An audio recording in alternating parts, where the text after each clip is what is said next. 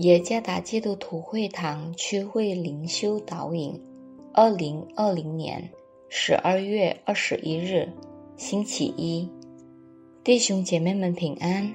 今天的灵修导引，我们借着圣经马太福音一章十八到二十五节来思想今天的主题。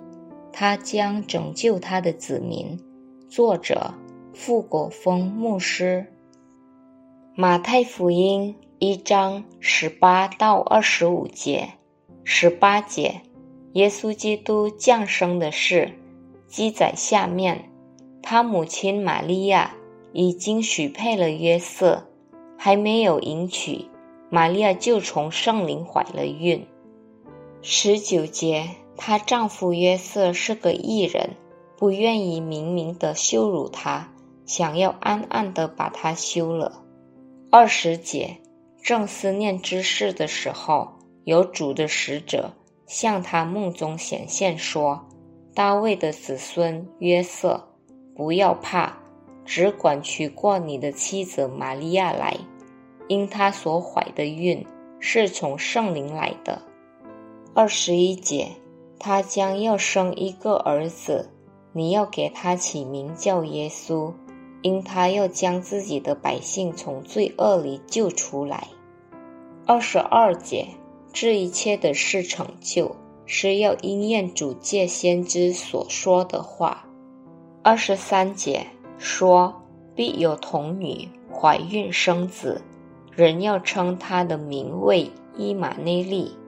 二十四节，约瑟醒了，起来就遵着主使者的吩咐。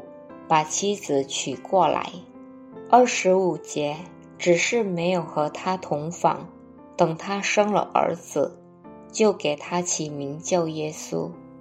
在一个被火焚烧的院子里，发现了有一只被火烧焦的母鸡。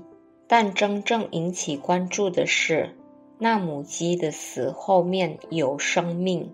原来在那火灾中。母鸡把小鸡聚集在它的翅膀底下来保护它们，因此即使母鸡被烧死，小鸡也能幸免于难。母鸡的牺牲使小鸡能活得下来。马太福音记载，耶稣的基本品格特征是有权柄拯救人类脱离罪恶。拯救的动词可以指免于肉体的危险。疾病或死亡，在智解的经文中，拯救是指从罪中得救。因为从圣经的角度来看，罪是所有灾难的基础。上帝的使者很坚决地说，耶稣会拯救他的子民脱离罪恶。每年我们在十二月的时候都会庆祝圣诞节。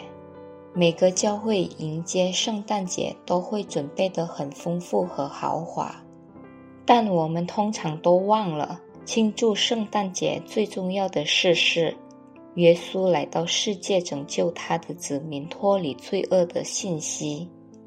我们应该在每个圣诞节的正道和主日崇拜的正道中宣传这个好消息，就是上帝将拯救他的子民的好消息。使越来越多的人能够听到这个消息并得救。